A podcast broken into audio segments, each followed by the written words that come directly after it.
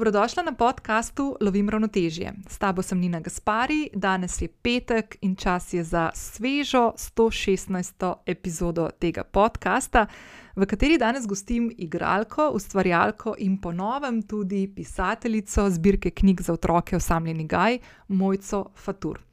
Z Mojco današnji pogovor začenjava tam, kjer smo ga na zadnje končali in sicer v drugem razredu gimnazije ko smo kot sošolki odkrivali prve navdihe in možne poti v svet odraslosti med piranskimi ulicami. In od tistih gimnazijskih časov, ko smo na zadnje malo dalj časa govorili, se je obema zgodilo življenje. Mojca je danes mama trem otrokom, partnerica, uspešna igralka, pisateljica in ženska, ki z močno zgrajenim čutom do sebe premika meje možnega in to dobesedno.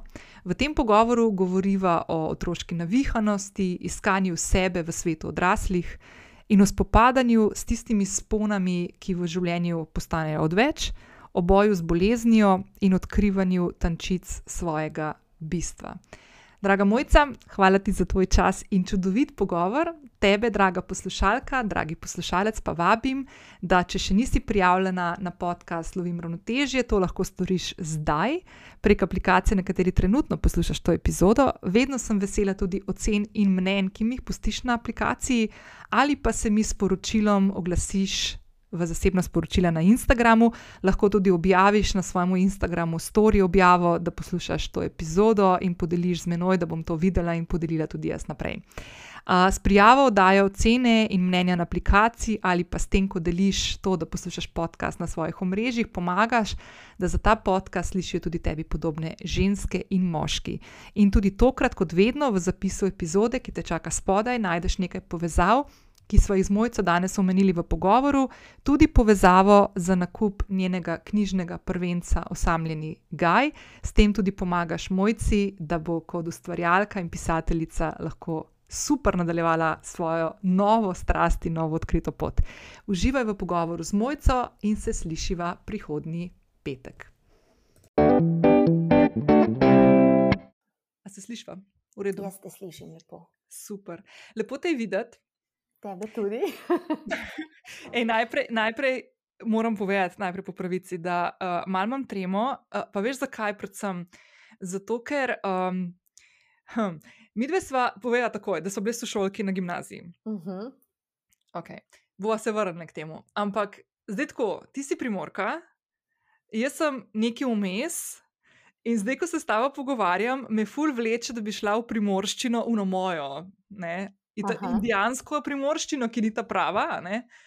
Um, ampak sem tako navajena v ljubljanščini govoriti, da imam zdaj ful ta problem, veš, kako zdaj govoriti.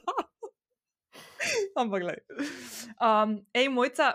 Ful sem vesela, da smo se našli tako le, pa uh, da poklepetava. Jaz sem te imela v mislih že kar nekaj časa, uh, pol pa je začel čas malo drugače teči uh, v zadnjih mesecih, pa letih zdaj že.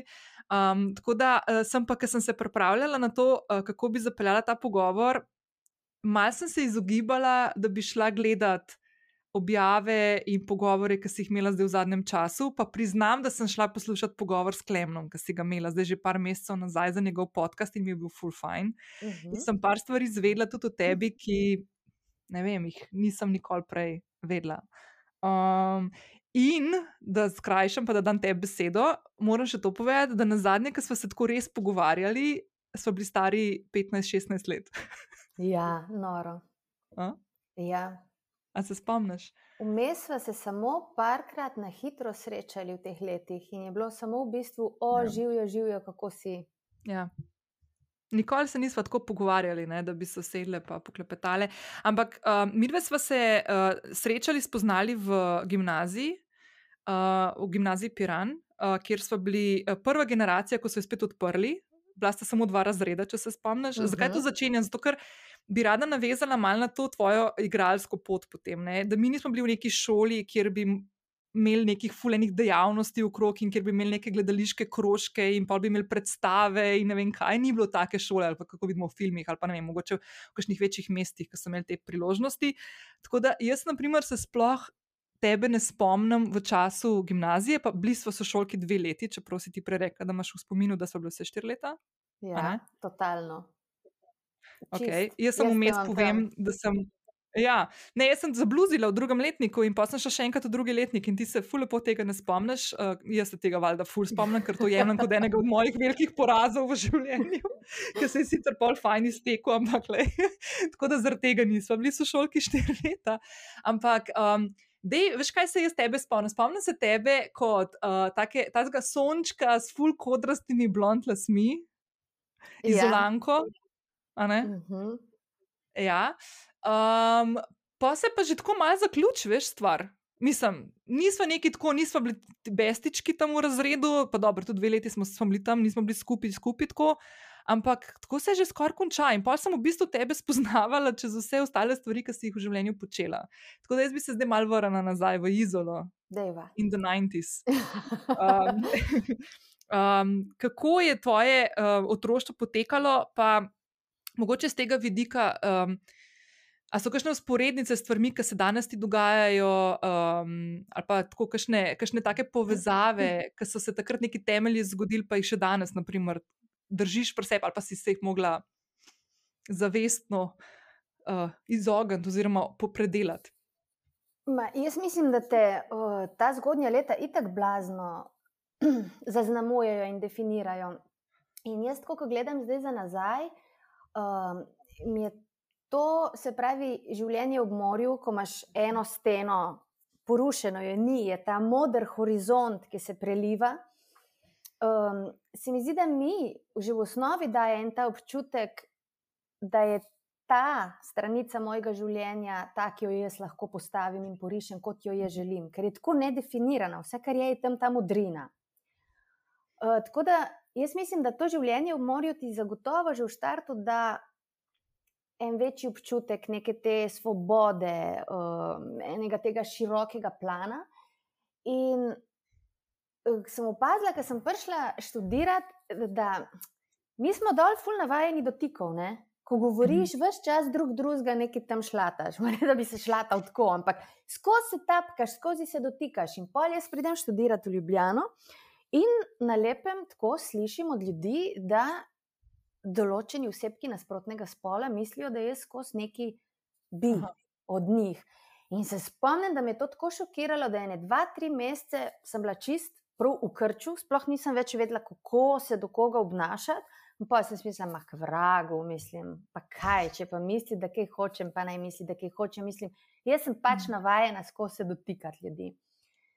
Um, ma ja, pa ta cela poletja, dolga v morju, mi smo res bili skozi mulci, ne od jutra do večera na plaži, ker zdaj vidim, tega ni. Ne vem, kje so otroci zdaj.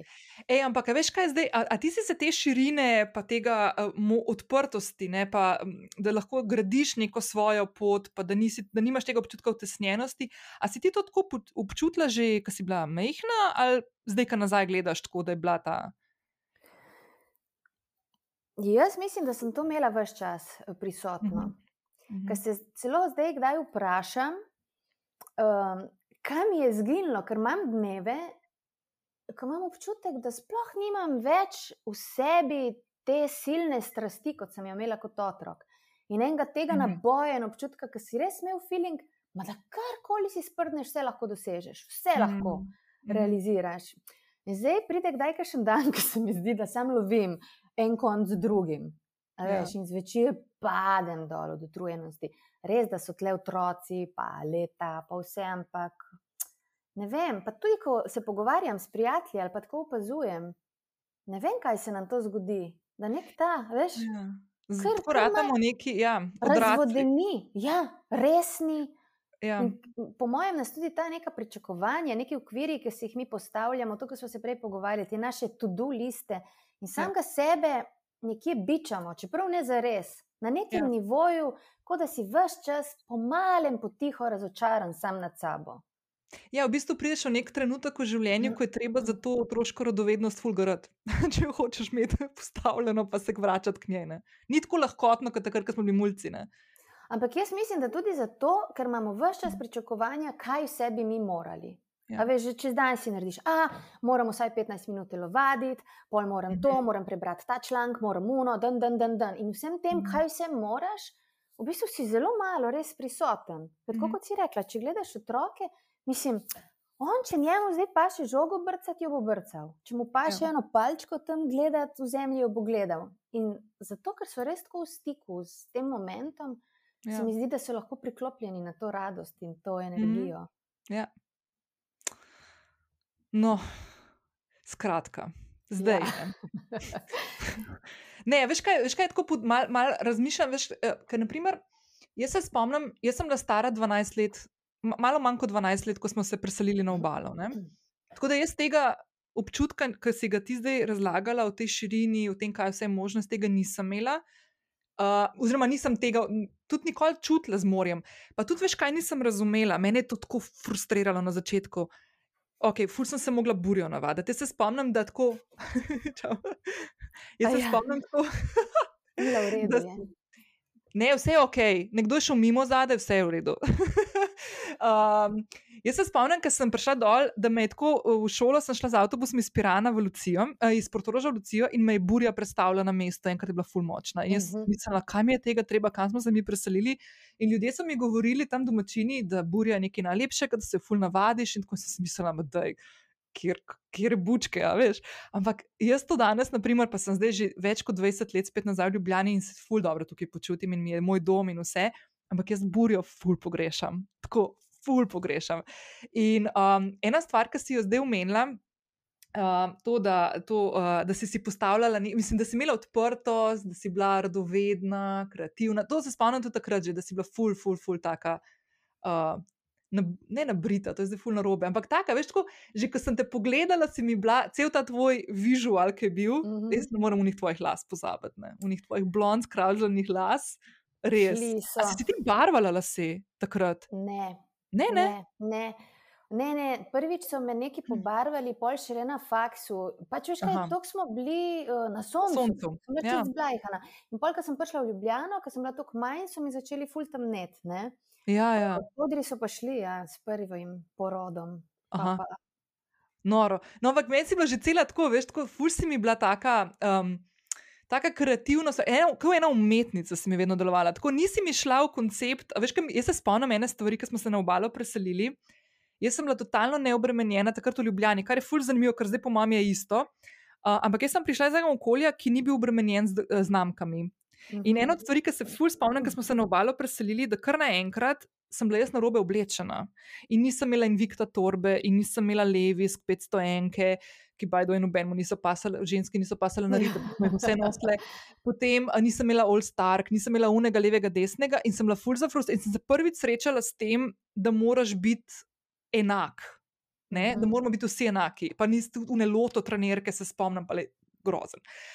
In tebe, naprimer, ki se pa postavim tako, ti si mi pa vedno tako ful izstopala. Pa ne vem zakaj, zdaj, ko tako nazaj gledam. Ful si mi izstopala, ful si bila neka tako svoja in to mi je bilo ful všeč pri tebi. No?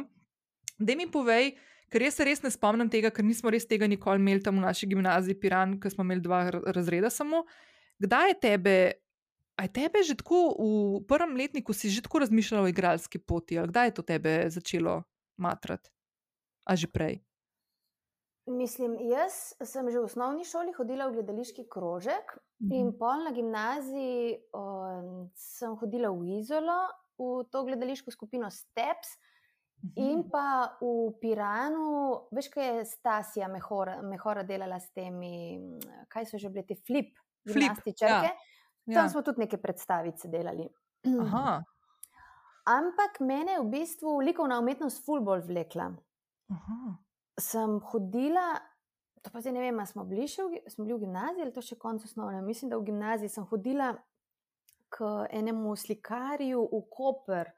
Na v bistvu isto kot, kot na gledališke urice, samo da smo tam slikali in je bilo res ful, izjemno. In pol mi oči pravu, da je tega slikarja čez leta srečal in je rekel: O, kje je mojca, kaj šla študirati? In oče reče: Ja, ja, je šla na akademijo.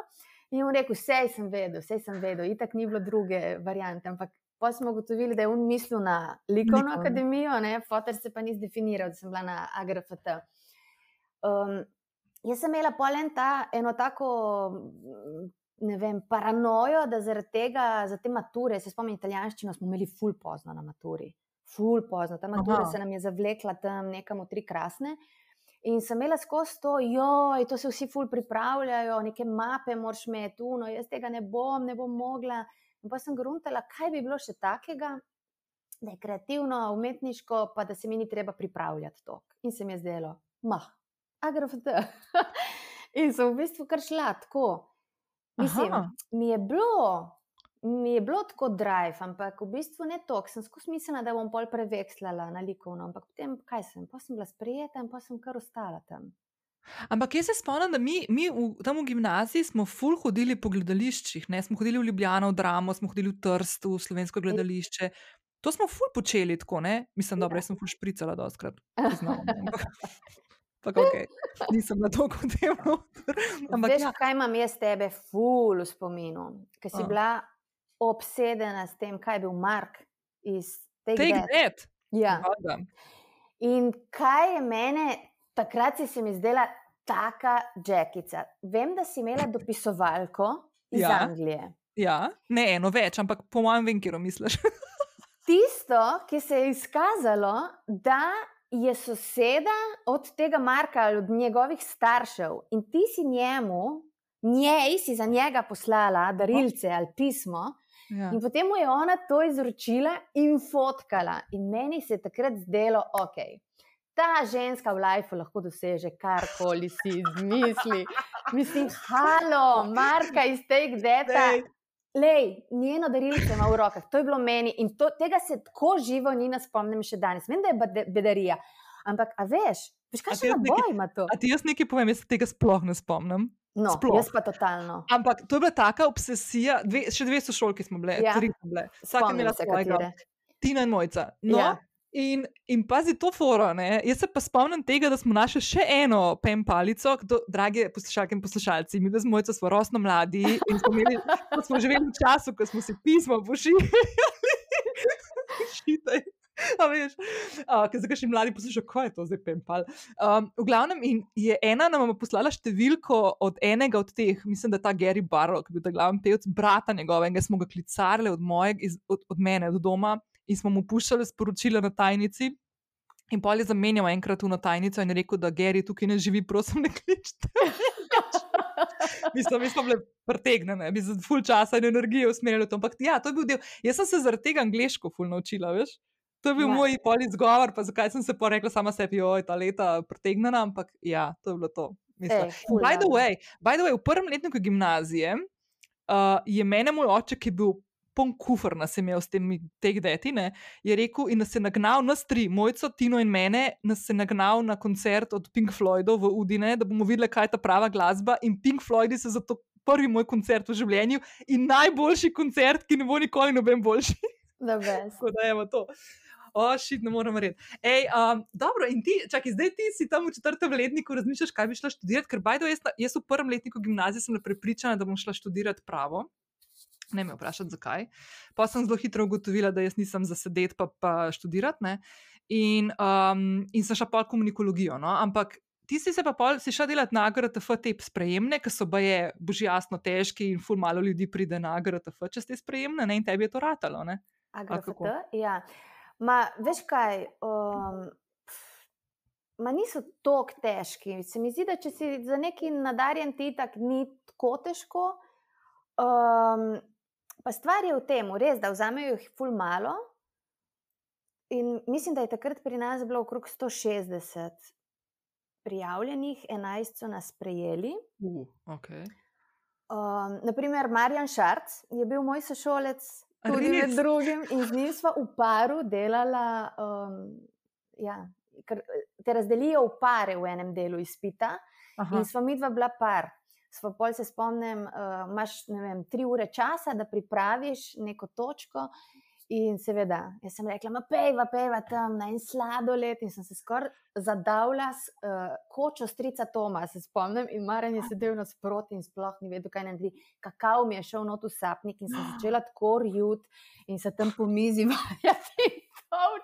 In Marjan me je sam gledal, kaj je to.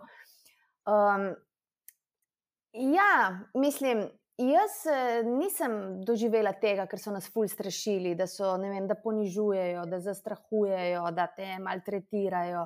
V Mhm. bistvu mm, je bilo tako, precej sončno, no? pa Mhm. ful smo se smejali. Kaj se, mogoče tudi odvisno, kakšno energijo ti sabo preneseš. Ja, mislim, ker zdaj tako, če skočimo malo naprej, ne, zdaj v zadnjih dveh, dveh letih ali letu pa pol dobrem se o AGRTF-ju smo poslušali vse živo, ne, a veš, kaj se je tam dogaja, levo, desno. Ne. In tudi ti vem, da si se tako izpostavila, si povedala svoje mnenje, si se postavila na stran svoje mlajše kolegice, ne, oziroma ne postavila na stran, pač stala za tem, kar je povedala, ker, je takrat, ker se izpostaviti na tak način, kot se je Mija, ne, je, bilo, je, je res nekaj novega pri nas, ne, še vedno, nažalost. Ja. Um, ampak ti si doživljala te stvari čistko. Um, Čist drugačno izkušnjo si imela, ne? kar je super, ne, da best. Pa najbrž si imela tudi fajn profesorje, pa to Borisa Kavaco. In... Ma, Boris je res bil tako, kot en oče nam. Mislim, super je bilo. Pa Jožica Aubel, ki sta v paru učila. Mhm. Uh, mislim, jaz sem bila nemirna tako znotraj faksa. Jaz se spomnim, da sem vsako leto se hotela izpisati in niti kaj drugega, da mi je bilo na nekem nivoju tako precej dolgočasno vse skupaj. Ampak drugače pa energija ful lepa, tudi kot letnik, sošolci smo bili zelo povezani med sabo, mislim, z nekaterimi smo še zdaj ful v stikih. Mm. Sam, če vas je bilo 11, to je res mehna skupina. Ne? Ja, in cele dneve si valjda skupaj, ker je v bistvu večina študija je. Mislim, ni teoretičnega, ampak praktičnega, se pravi, tam visiš, ne? od baleta, boksa, petja, vsega, cele dneve si tam. Noro je, noro. In potem se, jaz spomnim mojce, ne, a veš, tako mi dve tam nehava biti v šolki, drugi letnik, no, po tvojem četrtem. Ja, po mojem četrtem. Jaz te imam še, kako smo skupaj na maturancu, tako da jaz ne vem, o čem ti govoriš. Ja, jaz tebe vidim povsod. Kam Častna. praviš maturanca? Santorini. A ja, si mi tudi pol, Ios pa Santorini pa to, ja. Ja, evo. Veš, meni je tako ful čudno, ker sem toliko šol zamenjala, ne, da jaz, ok, za tebe točno vem, kam te da, ampak je en kup enih ljudi, ki, naprimer, jaz jih ne vem, kam umestiti, ker sem tri osnovne šole zamenjala, razrede, ne, ker smo se selili, potem dve v gimnaziji, pol na faksu ITA, ki je bilo skozi all over the place, pa nas je bilo ful več. In pol tako, ne vem več, da je kakšnega človeka, kam dam v kjero življenjsko obdobje, veš. Mhm. Ful Smešano. Tako da jaz imam to konstantno prisotno, da mešam, kje je kdo se pojavil. Ne. Um, ampak ja, ne, čakaj, kaj sem ti hotela reči. Um, no, in naslednjič, ko sem te jaz uh, zasledila, tako in se mi zdaj tako blazno fajn, je bila ena serija, ki je bila na nacionalki, ki je bila ful, čakaj, humoristična neka hiša, kako je bilo že na druga? A, čakaj, uh, pod eno streho. Pod eno streho. Pod eno streho, ja, ki je bila Ali- družina neka, ne? In ti si bila ena od hčerk. Ja, ali peta hiša na levi. Peta hiša na Ja, levi. ja, Ja. ja, ja. No, evo, ta nadaljevanka je bila meni top shit, ful mi je bila kul, cool, ful mi je bila. In ful mi je bilo dobro, da tebe noter gledam. In takrat sem imela prvič tako, veš, jaz sem videla, da si šla ti na AGRTF, pa to, ampak takrat sem te tako prvič videla v nekem. Um, V neki vlogi, ne? in Aha. se mi tako blazno fajn zdelo. Ampak ti si tako, kje, kje si te, pol, kje, kje se, se, mislim, ti si pa bila in v filmih, na gledal, v gledališču, serije in tako naprej, tudi sinhronizacijo si delala in delaš Ja. uh, za risanke in tako. Ampak kje je pa tista, tisti del igralske poti, ki ti je tako najbolj pri srcu, ali če sploh lahko tako rečeš? A je to Ma, gledališče? Je to? Meni je odnegdaj bližji film bil. Aha. Um, ampak ja, se pa pri nas ful, um, že tako v osnovi ful malo snema in je uh Mhm. -huh. sicer vedno več, da ne bo pomote in se mi zdi super. Uh, zdaj vidim, koliko je res teh enih nadaljevank in vsega, ampak ja, film mi je najbližji. A se ti zdi res, da se vedno več snema? Ok, te serije pa to zdaj mogoče. Filmov ne, ampak vsaj serije, Ja. ja. včasih se ni niti tega tok. Ja. Ja. Zdaj tudi ne mislim, zdaj, če pogledaš, koliko je, pa je jezero, pa Ja. ja. kaj še tisto, ko je bila Aida Smrekar, pa tole zdaj, ja, šef, pa gospod A profesor. ja, delajo ful pa... te vojo, pa to te vsebine ful pripravljajo. ne. Ja, Ja. ja, to je res, to je res. Ja, pa zdaj ta Leninov park je bil. Ja, tako, ja. evo. Ja, ja, ne, vse to je res. Ampak tako, veš, ta, ta del, mm, da je mogoče ta kultura, no, ki se meni zdi tako. Um, Mislim, zadnje dve leti se meni zdi, da je tako neki tako stagnira, vse skupaj že zaradi situacije in vsega tega, ampak se mi zdi, da ta del, jaz ko zdaj pomislim, da smo dve leti že zaprti, prej so se ujele tukaj, prej smo začeli snemati, sem ti rekla tako, da sem tako sita vsega. In ena stvar, ki jo pa res ful pogrešam, po mojem, najbolj je to, da bi šla naprimer v kino ali pa v gledališče, ki by the way se lahko greš, ne? A veš, ampak meni tako fulni prijetno zdaj sedeti v gužvi, v družbi z maskami na obrazih in tako naprej in čakam, da bo to mem. In se mi zdi, da imamo neko to pomankanje kulture v družbi ful močno, plus kar se dogaja, ta razgradnja kulture, če nisi naš, ne, nimaš, ne dobiš priložnosti, če si naš, dobiš karkoli si želiš. Um, kaj misliš, da je največji izziv, mogoče zdaj za nas, tako, pa za vas, ustvarjalce, konc koncev, veš, da se začnejo te stvari nazaj postavljati, pa da začnete delati, da začnete spet hoditi na odre. Vse vem, da se dogajajo stvari, pa vem, da gledališča delajo, pa vse, ampak se mi zdi, da ta občutek je čistnik drug. Ne? Ma, kaj, jaz si tako nimam čisto realne predstave, se mi zdi, ker pač nisem več del institucije nobene, ne, mi dva sklepna sva oba svobodnjaka. Mm -hmm. In uh, nimam čist uh, realne slike. Vem, tako s kolegi se pogovarjam, delajo, ampak se mi zdi, ne vem, če primerjam. Ne, ko, se, ko se jaz spomnim svojih let na faksu, takrat naprimer, se mi zdi, da je res teater cvetel. Jaz se spomnim tudi tržaški teater, ne, kakšna je to mhm. bila ekipa, mislim, vsi smo hodili dol, drama, takrat so bili še ful mladi, šugi, baki, emeršič, mhm. NBG, polona juh, mislim, to je res špricalo od energije. Mi smo sam mhm. čakali vsak večer, ko se je zaključil študij ali pa tako, takoj tja v interca. To smo pozno v noč debatirali, se smejali, plesali, peli. To je vse tako je žuborelo, tlelo je spodaj. In se mi zdi, ne vem, da je tako eno tako mrtvilo ratalo, vse skupaj, kot ena močvara. Mm -hmm. um, tudi, ko se pogovarjam tako s kolegi, um, pa določenimi, ki so še zmeri, naprimer, znotraj teh institucij.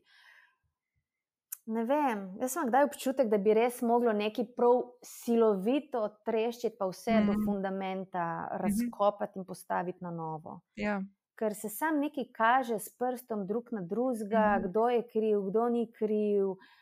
Ampak že v sami osnovi, ne vem, se mi zdi vse tako zaspano. Veš? Ja. Ker tudi, če pogledaš teater, ne, mislim, naj bi res odpiral horizonte, postavljal neke nove menike. Ma kaj sem, tako se mi zdi vse skupaj. Neki no, wanna be. Ja, ampak veš to, kar si ti pregovorila, ta občutek mladosti ob morju, odpira, odpe, odprt pogled v daljavo, ki je odprta in je možnosti. So. Meni se za tega nam je zdaj tako, mislim, ne da nim, itak nimamo tega, že tako v osnovi, kot družba smo ratali, fultko bolj zaprti, pa osredotočeni na neke svoje stvari, pa tudi liste. Druga stvar je pa, da zdaj zadnji dve leti se mi zdi, da smo se še tako bolj zaprli in.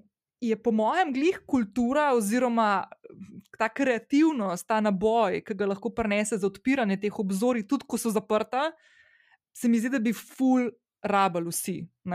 Ja. In pol ne, se začnemo kregati ne?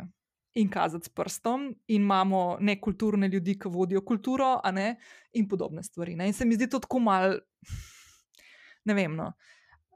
Žalostno, no, čisto iskreno, žalostno. Ma ja, ma se mi zdi tudi tako, če pogledaš, čist ne vem, če bi vsak pogledal svoj vsak dan. Ne?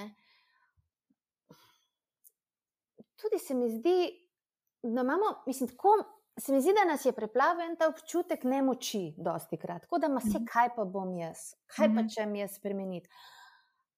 Ampak pol vidimo, ne, že če pogledaš, ne vem, inštitut 8. marec, kakšni veliki mhm. premiki so se zgodili, ful lahko spremenimo in tudi vsak dan.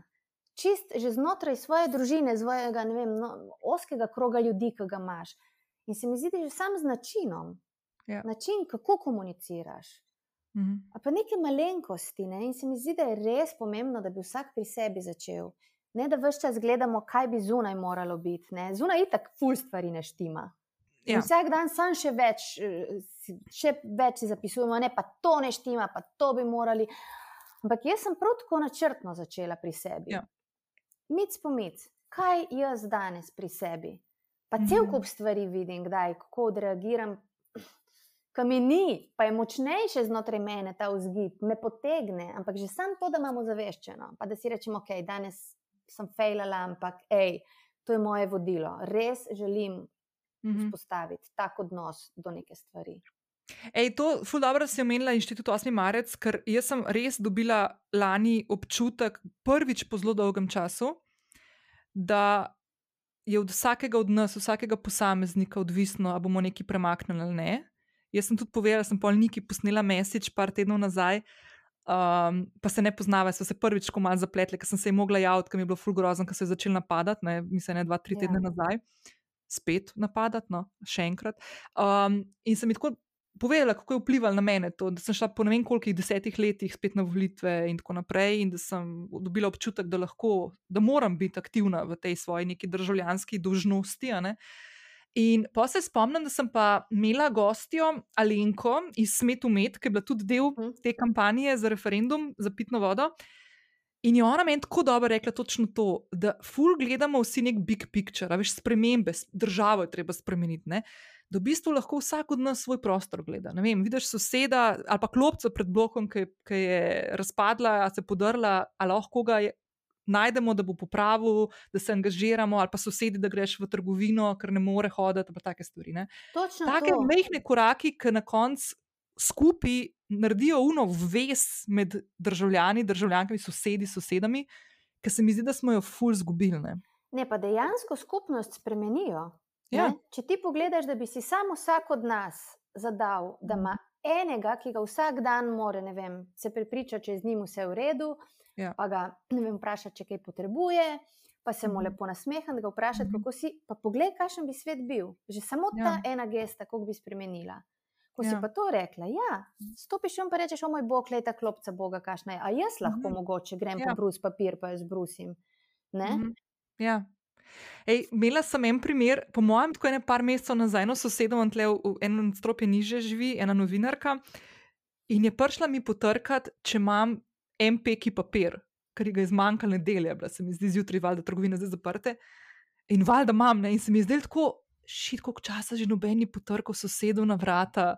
A veš, kaj smo bili mi majhni, to je bilo skozi moka, jajce, uno, mleko, a veš, vedno je bilo neki. In se mi je to kvaj, zdaj se prav spomnila, sem rekla, evo, le to ne. Ja, To. jaz svoje mulce skozi pošiljam gor. Pejdi Irena vprašati, če ima kakšen krompir, pejdi pa Irena, če ima kakšen jajc, pa potem mi neseš nazaj. Ne, pa Ja, ne, ja. ne, ne. Mislim, meni je to, ne. ljubo. Ja, ali pa Ja. vem, ona kuha marmelado in ko skuha, vedno vemo, ok, vsaj en ali dva kozarca boste priromala k nam. Veš. Veš, mi gremo na obalo, prinesemo fulkakev, neseš gor. Um, ja, pa otroci, ki so bili manjši, ki še niso tako pojedli, jaz vem, vsakič, ko sem spekla, sem en velik kos potem tja, njima še dala gor sosedoma. ne. Um, zdaj požrejo takoj. Ampak to, ja, ta občutek. Ne? Ja. Ker je, mene tudi tako lepo pogreje, ker pač tudi vem, na trgu vedno hodim k enemu in istemu in je pol že uno, ker ti vidi reče, aha, mojca, ali pa pol me spomni, a tega pa danes ne rabiš, ne? Ja, ja. ali pa že kar ve, se boš pol prišla iskat, da ne boš nosila zdaj tega v krog, ti bom dal spodi. Oh, na enkar na lepem to ni več sam en prodajalec, ne? ampak je tvoj prodajalec. Ja. Ej, ampak, a veš kaj, še ena stvar, da si ti to v mestu, kot je Ljubljana, ki sicer ni neko vele, vele mesto, ampak za naše razmere je veliko mesto. In da ti na ljubljanski centralni tržnici, to imam jaz v ribarnici, ki grem vedno k isti in pa napiše Nina gor na uno, a veš, štiroporasto, Ja. ki naredim rezervacijo ali pa kaj. In se mi to dobro zdi. In me že nadalječ vidim, točno ve, kaj bom vzela. In tako, da ti vzpostaviš en tak odnos v enem mestu, kot je Ljubljana, ne, se meni zdi tako full the best. Ne. Tako lepo. No. Ma, ja, meni je to tako, res, mislim, pogreje mi srce. Ja. Kaj pravim, tudi kako mi je lepo, veš, pridem na obalo, ne, moja mama je zdaj pokojna, ampak gremo še zmeri dol, seveda v hiško. In ne vem, naprimer, dol je neurje in takoj dobim dva, tri mesiče od sosedov, mojce ne skrbi, šel sem pogledat, nič ni zalilo. Ali pa veš, pridem dol, pa vse pokošeno, obrezano, mislim, in ti je tako, Kako lepo. A Kako veš, lepo, prav ja. wow. Ja. Ej, koliko so tvoji otroci stari zdaj? Lev je šest, Ruj bo zdaj glih kar deset, Mila bo pa šestnajst. Oh, wow, sweet 16. Mm. Čakaj, ampak Leo gre zdaj v šolo, septembra ali je zdaj prvi razred? Ne, on je v bistvu konec avgusta do polno šest, ampak je dal ultimat, da on še ne gre in smo pa mogli zaprositi za odlog, on je njega ne premakneš za milimeter, ko se on karkoli odloči. Um, ampak pa smo itak rekla, da je v upanju, da se vse te stvari umirijo, vse te karantene in to. Ajde, ja. naj bo šel v vrtu in gre potem v šolo. Ej, se po mojem, ti otroci, ki so zdaj drugi razred, ki so bili lani v prvem, ki je bil ta največji naval. Mislim, to sem slišala tako, da sem imel prav šoke. Ne? A veš, ko se mi je kar mal podaljšal tisti vrtec in pa sem prišel v drugi razred, ki je pa že mal bolj tako strukturirano ne? in so imeli full šok, ker ni bilo tiste umestne faze. Joj, si predstavljal. Ja. To je noro, res. Mislim, za crkant. Um, Šit, e, smejala sem se, ker sem šla, mislim, da včeraj pogledala tvoj Facebook in mi je full dobro, ko vsake to objaviš, kakšne dialoge, ki jih imaš tam malimi. Ja.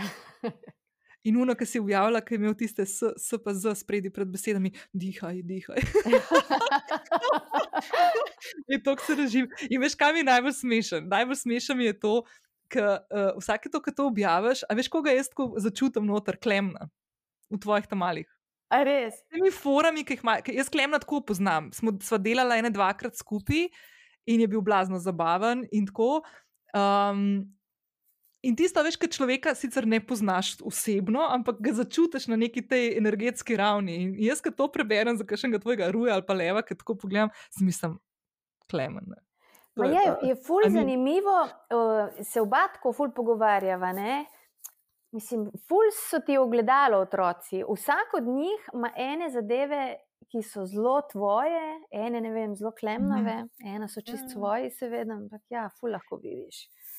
Ej, veš, kaj sem razmišljala, pa, pa se spraševala, pa če ni to preveč intimno, drugače mi povej, um, pa lahko da ven. Ampak, ko sem poslušala tvoj pogovor s Klemnom in sta uh. -huh. večino časa govorila o o tvojem, po mojem, največjem življenjskem izzivu z eh, boleznijo, s katero si se, mislim, se celo življenje že srečuješ, in bajdo jaz to sploh vedela nisem. Ja. Kot, naprimer, ja, res, ful mi je bilo zanimivo to, kar sem poslušala. Ker imaš tako občutek, da človeka poznaš že tam, ki si bil star 15 let, pa v bistvu ne. ne. Um, in ena stvar, ki sem jo ful, posluš, ful se sprašvala zraven, ki si ti razlagala, kako si um, pa hodila na te delavnice in tako. In jaz sem v zadnjih petih letih ful sprememb na sebi naredila, ampak sem bila pri tem sama. Jaz nisem imela ob sebi partnerja življenjskega. In stvar, ki sem se ful sprašvala, je, kako zgleda na odnosu, ne, ko se, naprimer, eden od partnerjev uh, poda na neko tako pot, kako potem, ker to je en, en kup enega prilagajanja in enih pogovorov in vsega tega za drugega partnerja, ki mora temu nekako ali slediti oziroma ozavestiti, kaj se dogaja. In lahko pride tukaj tudi do kakšnih tenzij. Ne? Kako je to izgledalo pri vama? Ma, pri nama, hm. mislim, Klemen je zelo sledil tej liniji. Mhm. On je tudi, ne vem, ko sem šla v Rim na dispenzo, ga je pol tako navdušilo, kar sem povedala, da je šel še sam pol v Amsterdam na dispenzo in so mhm. pol skupaj šla v Bonn. Aha. Jaz mislim, da če en od partnerjev začne delati, mislim, jaz sem delala res tako bliskovite skoke, mislim, ko ti gori pod petami, ne, ko je tle vprašanje, tudi tako življenje ali ne. Seveda se mi zdi, da zavihaš rokave in se polno vržeš not. In jaz mislim, mislim, jaz osebno si ne znam predstavljati, da partner, naprimer, ne bi sledil in delal protko mhm. sprememb na sebi, ker ti res postaješ drug človek. Ja. Vse tebi se zdi, pač tvoja esenca ja, se ne spreminja. Je. Zdaj, če pogledam od nazaj, od otroštva, najdlje, kolikor se spomnim, to je moja esenca, ampak vmes je že če lani pogledam tako. Kakšne svoje, ne vem, nazore ali pa delovanja, ti rečeš, pa si zmla drug človek. Uh -huh, uh -huh. In Jaz si ne predstavljam, kako bi en odnos, razen če si itak vajen, tako da si dobesedno podajaš kluko. En mem drugega, ne ja, želiš. Je to ja. ok, ne? ampak če pa je to odnos, kjer v bistvu res skupaj kreiraš, pa rasteš, mm -hmm. pa imaš skupne cilje, je ne mogoče, da se ne bi mhm. tudi partner podal na neko notranjo pot samo raziskovanja. Zaradi tega, ker se oddaljiš. Ker več nimaš več istočnic, da se pogovarjati, ne, ne. nekaj preseka ni več. Ne, ne ja. zato ker vse se ti spremenja, tudi način govora se ti začne spremenjati. Mislim, uh, stvari, ki te zanimajo. Ne, ne. Je pa res, da. Je bilo kdaj naporno, ker je res tako, da bi ti skočil iz ene točke na drugo, in pol moraš tudi ti počakati mhm. partnerja, da pride na tisto točko. In vmes so ena obdobja, ko imaš občutek, da govoriš čist drug jezik. Uh -huh. Mislim, da se gledava, se pogovarjava, razumsko, mislim, ja, valjda slišiš, ampak na not, pa kot da bi mimo Ja. letelo. In je takrat tudi, seveda, moraš imeti potrpljenje, moraš imeti zaupanje, um, ampak jaz vidim, se splača, ker ko prideš spet skupaj na to točko, je, mislim, to so Mhm. največje darila. Ja, mislim, to ta odnos poglobi na neke take nivoje, ki verjetno jih drugače nikoli ne bi dosegel, če ne bi imel take izkušnje za sabo. Ne? Ma ja, jaz mislim, da, ja, da je nujno, da greš z roko v Mm. roki. Veš, to je meni ful zanimivo. Jaz sem lani po dolgem času prišla spet v vezo in mene je bilo najbolj strah.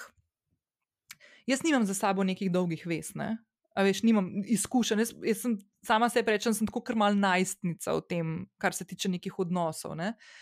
In, um, in mene je najbolj skrbelo dolg časa, da bom jaz po vseh teh letih, zdaj, ko v navednicah delam na sebi ne, in postajam boljši človek zase, um, da bom v neki vezi ugotovila, da na tem področju sem pa še vedno tam, kar sem bila pet let nazaj. Ne? In, sem si, in me je bilo ful strah, da ful sem rekla, da okay, jaz moram neko, so se zdaj to butaste stvari, ki jih govorim, se tako ful zavedam. Ampak sem si mislila, da jaz moram eno vezo imeti tako, tako malo za testing ground. Ne? Mhm. A Veš, da bom videla, da se bom naučila, pa, pa da bo tista naslednja, ki pride, bo pa tista ta prava. Ne? Da vidim, če, da še posinkam te stvari. In pa se mi je zgodilo, da sem spoznala človeka, ki v bistvu je bil tisti drug, ki bi mogel biti drug. Ne? Veš, In kaj sem ugotovila zelo hitro, in to mi je bilo tako, tako um, olajšanje, da spoznanje, da če delaš na sebi, ko si sam, ko nimaš partnerja, to ne pomeni, da v partnerski vezi nisi nič naredil. Ne? Mhm. Da v bistvu greš iz druge pozicije v neko vezo, kar jaz sploh nisem pomislila, da bi lahko bila opcija. Ne? Ja, veš, da In mi je greš. tako, ja, ampak a veš, tako zdaj, valjda zdaj pameten za nazaj. Ne? Ampak jaz takrat sem si mislila, o moj bog, to ne bo kul, cool, to bo zdaj Nina prišla ven na tam. Ljubosumna, vse živo, ono, kar mi je prišlo na živce, kar sem mogla delati, pa predelati, ne? ampak sem gotovila, ne, dejansko sem toliko enih stvari naredila, da sem danes lahko boljša partnerka in sem. Ne? In mi je to čist noro. Ne? Tako da, ja. Še ena stvar, ki sem jo razmišljala, ko sem poslušala te uh, na teh pogovorih. Uh, zelo veliko kontaktov si imela uh, zaradi svoje poti, pa bolezni z zdravstvom. Ne? In si bila tudi tako ene parkrat. Uh, ne, jaz ne bom rekla, da si bila ostra, ampak povedala, kaj se ti je zgodilo. In jaz sem se ful v tem našla, ker tudi sama zadnje štiri leta, ko imam neke težave zdravstvene, daleč od tega, da bi imela um, tako velike kot ti, ne, da ne bomo tukaj primerjali, ampak imam svoje. Ne, um, sem bila tako jezna, uh, predvsem na to, kar si tudi izpostavila, na po- pomanjkanje empatije dejansko. No. Ne, veš, kaj me, veš, kaj je bilo najbolj? Bolj, bolj kot to empatijo ali pa to. uh, Da, ne, da, da se ne zna komunicirati na, na, na tak empatičen način pacijentu, bolj me je žalostilo to, da se določene stvari jemljajo kot rutine, kar so za zdravnike in zdravstveno osebje, za tebe, ki prideš, pa se prvič srečaš s tem, pa to ni rutina, ne, ampak je nekaj novega. In jaz sem človek, ki sem zaznala, da si ti tu zelo podobna, ki želi imeti čim več informacij, da si naredi celotno sliko, ker imam potem občutek, da se lahko tudi odločam boljše. Mhm. Ne? In sem te stvari ful, ful, ful pogrešala, in to so tiste stvari, ki se, naprimer, tudi jaz z mojo konkretno ginekologinjo, ki ji ful zaupam, pa vse, ful veliko pogovarjam. Um, in sem vesela, da je tudi določene stvari spremenila, ne? mnenja in tako naprej. Tako da sem bila vesela. Ampak ta občutek, da si prepuščen mal sam sebi, da te imajo kot ne kot številko, ampak ja, kot ena rutinska zadeva, še ena v vrsti tisti dan, ne? se mi zdi ena taka, ma ne vem, tako kar malo razčlovečen se počutiš, no? Ko prideš nekam tako. Ja, pa dosti krat se obnašajo tako, kot da jih z vsakim vprašanjem popolnoma znerviraš. Ne? Pa Mhm. normalno, da imaš vprašanja. Um, ja, meni se zdi, da ti kot zdravnik v prvi, prvi, prvi fazi moraš imeti rad ljudi. Ja. Mislim, zato to sploh počneš. Ne? Mhm. Pol si šele raziskovalec, znanstvenik, karkoli, ampak v prvi vrsti si človekoljub. In tle zdaj se mi zdi, da je zelo malo uh, zdravnikov, pri katerih že v prvem stiku začutiš, da jim je res mar človeško bitje. Mhm. Um, Máš občutek, da so tudi oni, tako skoraj kot eni športniki, veš, kot da Mhm. podirajo rekorde, kot da je vse samo tako, ua mi bo ratalo to pozdraviti, pa koliko bom imel uspešnih. Ja, norma. Ne? Norma, ja. Ja. Mm, ko sem naprimer, imela priložnost spoznati um, to zdravnico Sanelo Banovič, sem bila Mhm. fascinirana nad tem, ko mi je povedala, da ona s svojimi pacijenti, ker dela kot gastroenterologinja, ne, se ogromno pogovarja o njihovih odnosih, o njihovem življenju. In je rekla, da tako, ko je kdaj kakšen zdravnik nadomešča, da je pol rekel: Pa kaj imaš to za ene pacijente? Pa posedla se je, pa mi je kar začela razlagati o možu. Pa je rekla: Pa ja, jaz moram ugotoviti, kaj je tisto, česar oni ne zmorejo prebaviti. Da se jim notri ne. Tako v bistvu zbije in ne vem, stlači, da izbruhne v obliki neke gastrobolezni. In to mi je bilo, o moj bog, pa to je to. Da gledaš človeka kot celoto. Ja, Ja, ja.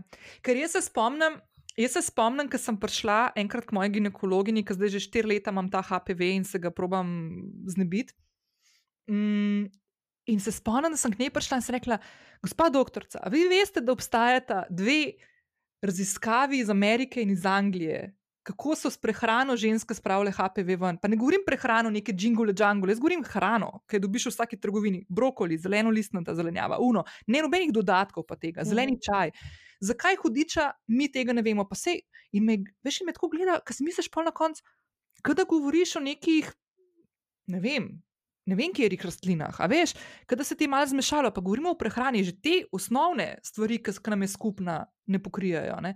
Tako da to, da gre nekdo gledati kot gastrostrokovnjak odnose, ki lahko zaštopajo tudi valjda, pre, ne, prebavni trakt in ali pa ne, naredijo probleme, ja, ja valjda ne.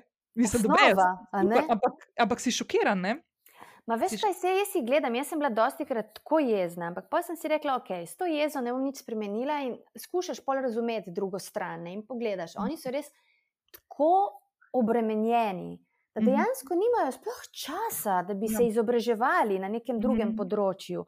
Ker sem bila dosti krat tako neka pa vraga milega, tako kot si rekla, ne? ti greš -hmm. zase raziskovati in pol najdeš toliko enih študij in rečeš, kako, kako ste lahko tako slepi za naprimer, prehrano ali pa določene stvari. Uh, sem, meni se zdi nuja, da si vzameš to vmes. Ja. Vem, študijski dopust, pa da ne študiraš samo nekih, veš, res ja. tako klasičnih zadev, ampak si malo razširiš en diapazon. Pa veš, kaj tudi jaz, ne, mislim, jaz, jaz razumem, jaz sem se enkrat z eno ginekologinjo pogovarjala, zelo empatično, toplo osebo, tako res, full na mestu, tako prav, žel, prav razmišljala sem, da bi kar predstavljala se tudi, čeprav sem zadovoljna z mojo ginekologinjo, ampak res mi je bila taka ful prijetna sogovornica. In me ena stvar, ki me je ful presenetila, je to, da smo se pogovarjali prav o tej empatiji. Ne?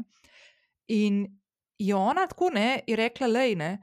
Ker sem rekla, jaz verjetno kot zdravnik moraš neko mejo postaviti čustveno, ne? ker drugače te lahko take ja. stvari, ki jih spremljaš, lahko, mislim, te podrene.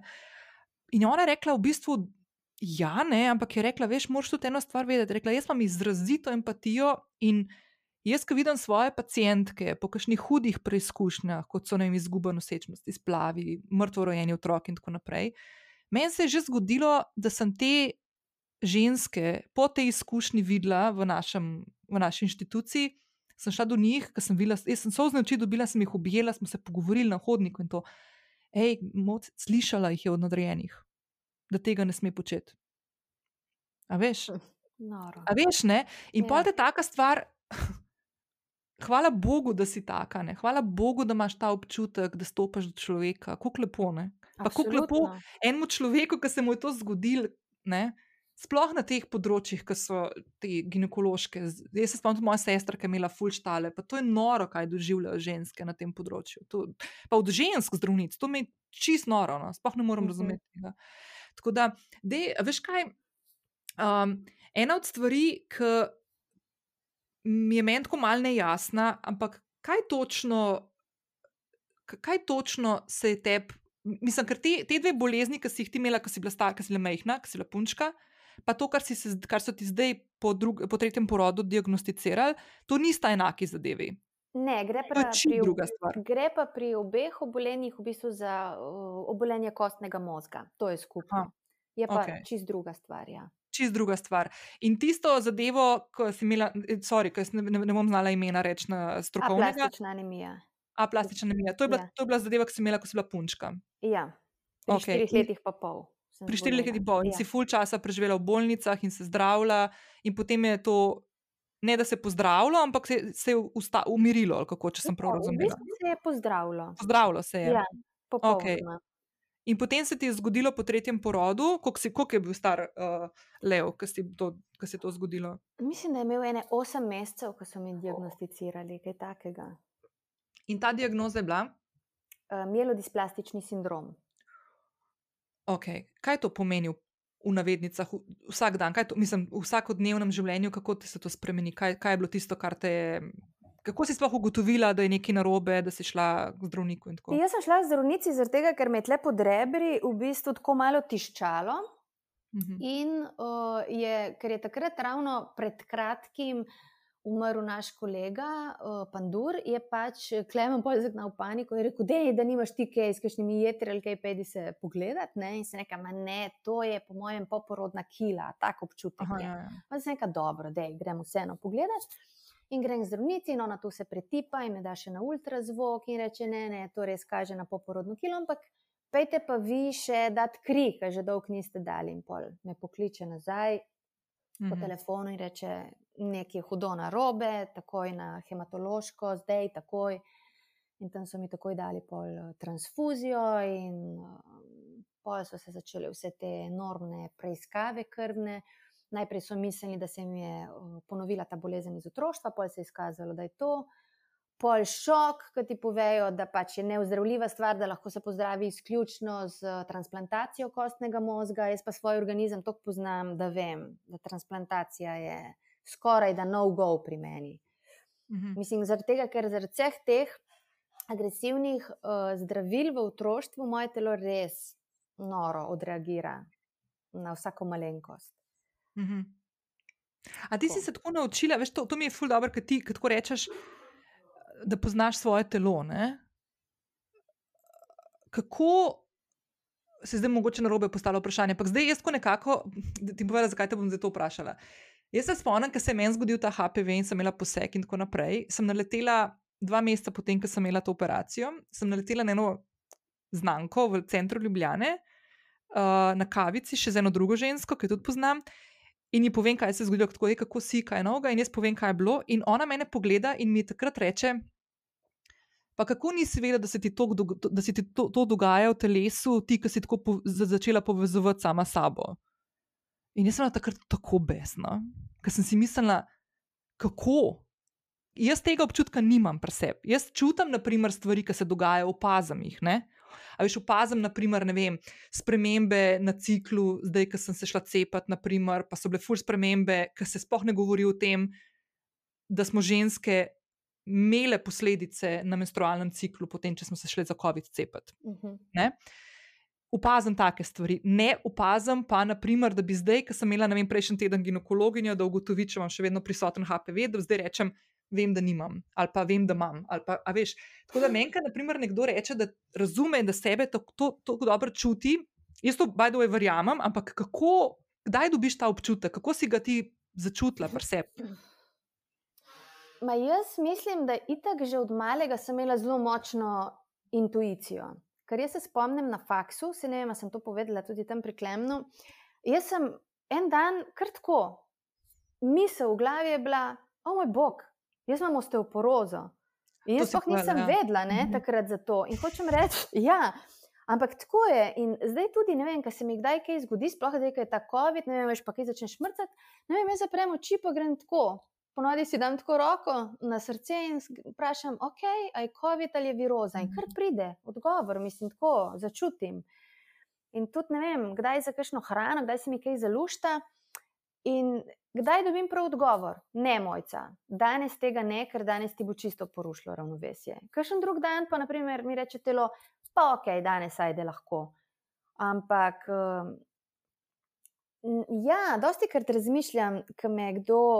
Ma, vse sem si prav rekla, da mogoče bi se morala jaz malo, ne vem, vzeti čas, pa vse te svoje izkušnje malo probati strniti, pa zorganizirati v neko smiselno celoto, da bi mogoče komu lahko še malo bolj služile, da bi malo šla pogledati, kakšne korake sem bolj natančno ubirala. Veš? Ja, ne, ker je fulj zanimivo, veš, to niso te stvari, tako, veš, ti, to, to sem poslušala, ja, ker meni bo to tako fascinantno. In jaz sem se pa spomnila za to osteoporozo. Jaz sem leta nazaj, ko sem še študentka, delala v Strunjanu in se spomnim enega mladega fanta, ki je prišel, ki je imel fulj močno luskavico.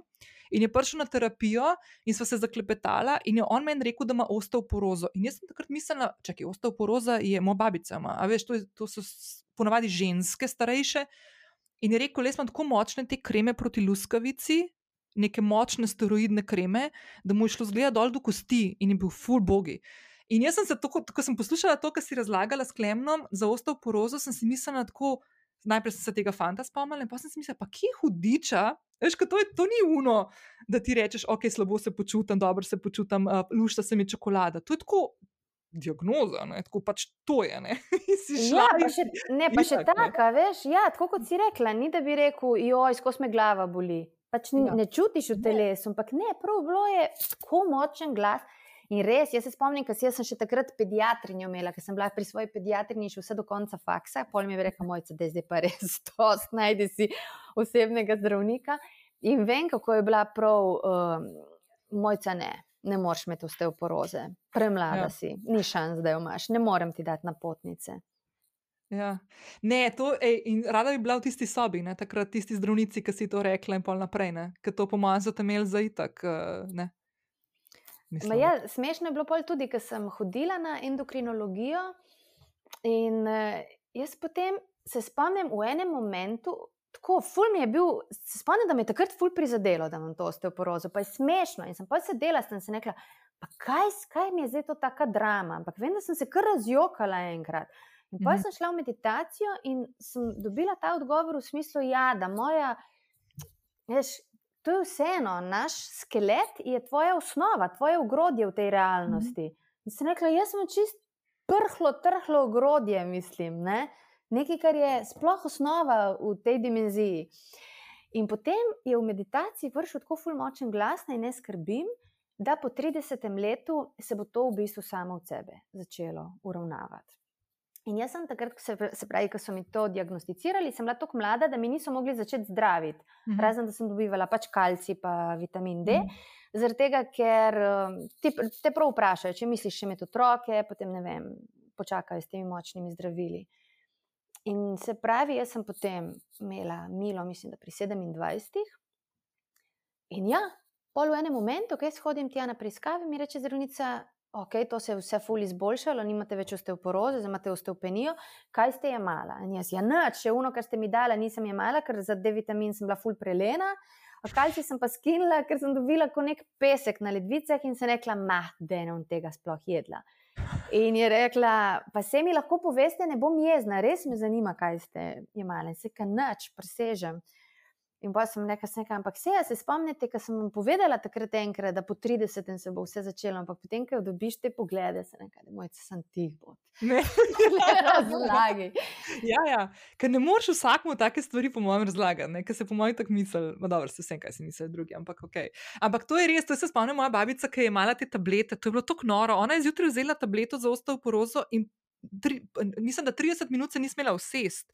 Ona je vedno mogla tako vzeti tableto, da je pa ne vem, ali šla pomit kopalnico ali neki neki, kar je prav pisalo na vodilih, da ne sme mirovati potem, ko vzame. Jaz sem noči šokirana, meni je bilo to grozno. To je prav eno od spominov od moje babice, še ko sem bila ful mlajša.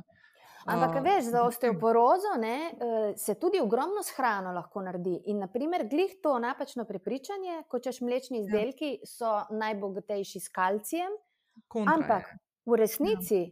ko ti odstraniš mlečne izdelke, in to je moja ja. mama naredila preizkus, ki je začela imeti, mislim, tako so ji diagnosticirali, da ima nek začetek osteoporoze, in ker sem jaz doma to predavala in spirala glavo s to hrano, ki sem jo jaz tako raziskovala, je rekla: Ok, pa bom naredila zdaj preizkus. In je črtala vse mlečne izdelke, in ko je prišla čez tok in tok mesecev um, mhm. na kontrolo, je v bistvu bilo uh, stanje kostne mase fulpopravljeno. Mislim, mm -hmm. da je že prav ja, prišla ja, ja. spet na tako.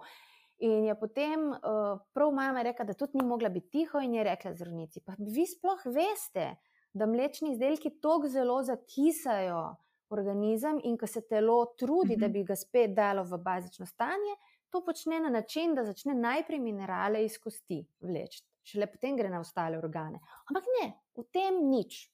Ampak to so raziskave, ki so bile narejene. Ne? To so desetletja stare raziskave, da mlečni izdelki, ki smo jih skozi poslušali, ful moš piti mleko, da boš imel močne kosti da dejansko so kontra, da večkrat ga boš pil, več je možnosti, da se ti dejansko razvije tisto, kar hočeš preprečiti z mlečnimi izdelki. Ja, ampak je zanimivo, te raziskave so delali doktori medicine, ne tako ja. neki, da bi imeli, ja, ja. naprimer. Ne? Uh mhm. -huh. ne, to imamo kar mah, kdo so to. Ne, to, to je kar noro. Zdaj, jaz sem pač tok še vedno bila zdaj upeta v ta sistem. Eh, bolnišnični in naprimer tudi, ko je mama nekaj imela gastro težave in zelo težko operacijo. Prva stvar so ji pol rekli, gospa, da se ukrepite čim prej začeti, skute, smetane. Mislim. Ne, ja. ne se že, ko pogledaš, kaj tudi v bolnici ljudem dajo za jesti. Tako mi je bilo noro, ja. naprimer, ker sem hodila na materinsko šolo. In eh, so nas tako upozarjali tam, vse je govorila, česa ne smemo jesti, ko dojimo, ker to napenja, pa ne tega, pa ne unega. In potem rodim in prvo kosilo v porodnišnici, zelena solata s fižolom. Mislim, kaj je tako, pa ok, mislim, komu zdaj tle kaj ni jasno. Ja, Ne, veš kaj, uh, sem, veš, to, to, to so stvari, ki me ful razpištolijo. Res. Uh, te čist osnovne stvari. Zdaj sem poslušala en, tudi en pogovor, um, pa zdaj daleč od tega, da sem tle padla noter v neke raziskave in šla ful raziskovati, tako da plis ne tega zdaj tako vzeti, da je to zdaj zdravo zagotovo. Ampak um, Alzheimerjeva bolezen, ki jo imajo um, še vedno jo nekako ta stroka jemlje za bolezen, ki je dedna. Uh. -huh. Da dejansko je bolj povezana z lifestylom, tudi prehrano. Ne? Zdaj ne, da zdaj, če ti ful zdravo živel, pa ne vem, imel dober lifestyle, da ne bo zaradi tega imel možnosti, da se ti razvija Alzheimer ali pa demenca. Ne? Ampak dejansko se spomnim mojega detka, ki je imel Alzheimerja, mislim, zadnjih par let življenja. On se je prehranjeval tako tipično slovensko, a veš, veliko je bilo mleka, veliko je bilo enih uh, svinine, pač tako kot. Ok, mi dve, ki smo na obali, bile, ne, jaz se spomnim, naša prehrana doma se je ful spremenila, ko smo se mi na obalo preselili, tako priznam. Pa, ko smo šli na obiske k sorodnikom v Krampa v Ljubljano, sem bila jaz kar malo pod šokom, ker mi je bila ful bolj prijetna, ful bolj prava ta hrana, ki smo imeli na obali. Ne. Ampak ta tipična uh, kontinentalna slovenska hrana ne, je nekaj, po mojem, ne vem, no, ne da je narobe, ampak se mi zdi, da, da so to en kup enih stvari, ki bi jih lahko ljudje mal začeli razlagati, oziroma spoznavati. Pa ne neke full hude spremembe. Jaz se spomnim, ker meni to moja ta prehranska terapeutka za ta HPV vam potegnila. Mislim, jaz sem na tako šokirana, jaz sem tako jezna. Tako sem jezna, da, da ne moreš takih stvari dati nekomu zraven. A veš, lej, to, da te tako v hrano vključevati. Mm. Ker nobene stvari ti ne vzame, sam dodatno bolj razgiban jedilnik, da si narediš, ne? brvit. Ne vem. No. Skratka. Veš, kaj sem te hotela vprašati? Uh, ena stvar, ki sem rekla, da te moram vprašati, in to uh, zato, ker je mene blazno strah tega, sem pa ful radovedna, je, da jaz sem lansko leto naredila eno stvar, um, ki se mi je zdela celo življenje tako najbolj nora na tem planetu, ti se že zdaj smejala. Ta moj dedek, ki sem ga omenila, Lauro, je, jaz sem odraščala ob njem in uh, ena od stvari, ki je bila taka. Skozi prisotna je bila ta, da je on vedno znal ful hitro povedati, da je nekoga na novo spoznal, da je bil otrok, mu je šlogala ena, uh, ena ciganka iz kavnega skodelce in mu je rekla, da bo imel tri sinove, da bo živel v montažni hiši in da bo umrl, ko bo star 74 let. Ne? In moj dedek je živel v montažni hiši, imel je tri sinove, umrl je kasneje, ampak je pa tam pred 72 začel ful boleh, bolehati in tako naprej. Tako da, da bi se odklopil. No? Mhm. In jaz sem zaradi tega, ker se iz otroštva spomnim, kako mu je nekdo to šlogal, sem imela predstavo o v isti koš sem dajala horoskope, astrologijo, meditacijo, um, ne vem, šloganje, vse je šlo v isti koš. In zaradi tega, ker sem šla tudi delati spit za učiteljico joge, sem imela ful težave z meditacijo, ker sem bila samo tako, da je to meni džingi džangi. Ne? No, ampak lansko leto sem pa presegla to še dodatno uh, s tem, da sem šla k astrologinji. Uh Mhm. -huh. In uh, mi je med tem sešnom po Skypu, ki smo ga imeli, je takoj prepoznala tudi HPV, pa to, mislim, bolezen, ni povedala, kje je, ampak kaj. In mi je svetovala, da pridem na Ayahuasco. Uh -huh. Ne? Oziroma najprej na Kambo. Ne vem, če poznaš to. Mhm, to je poznam. rastlino, no? A si to probala? Ne, to nisem. To, na primer, je meni moje telo reklo, da ni za me. Aha, ok. No, in ta ayahuasca, ne, mene ful matra. Jaz sem zdaj že s parimi ljudmi govorila, ki so to dal čest, v tebe sem poslušala zadnjič, ki si to razlagala. In mene je ful strah.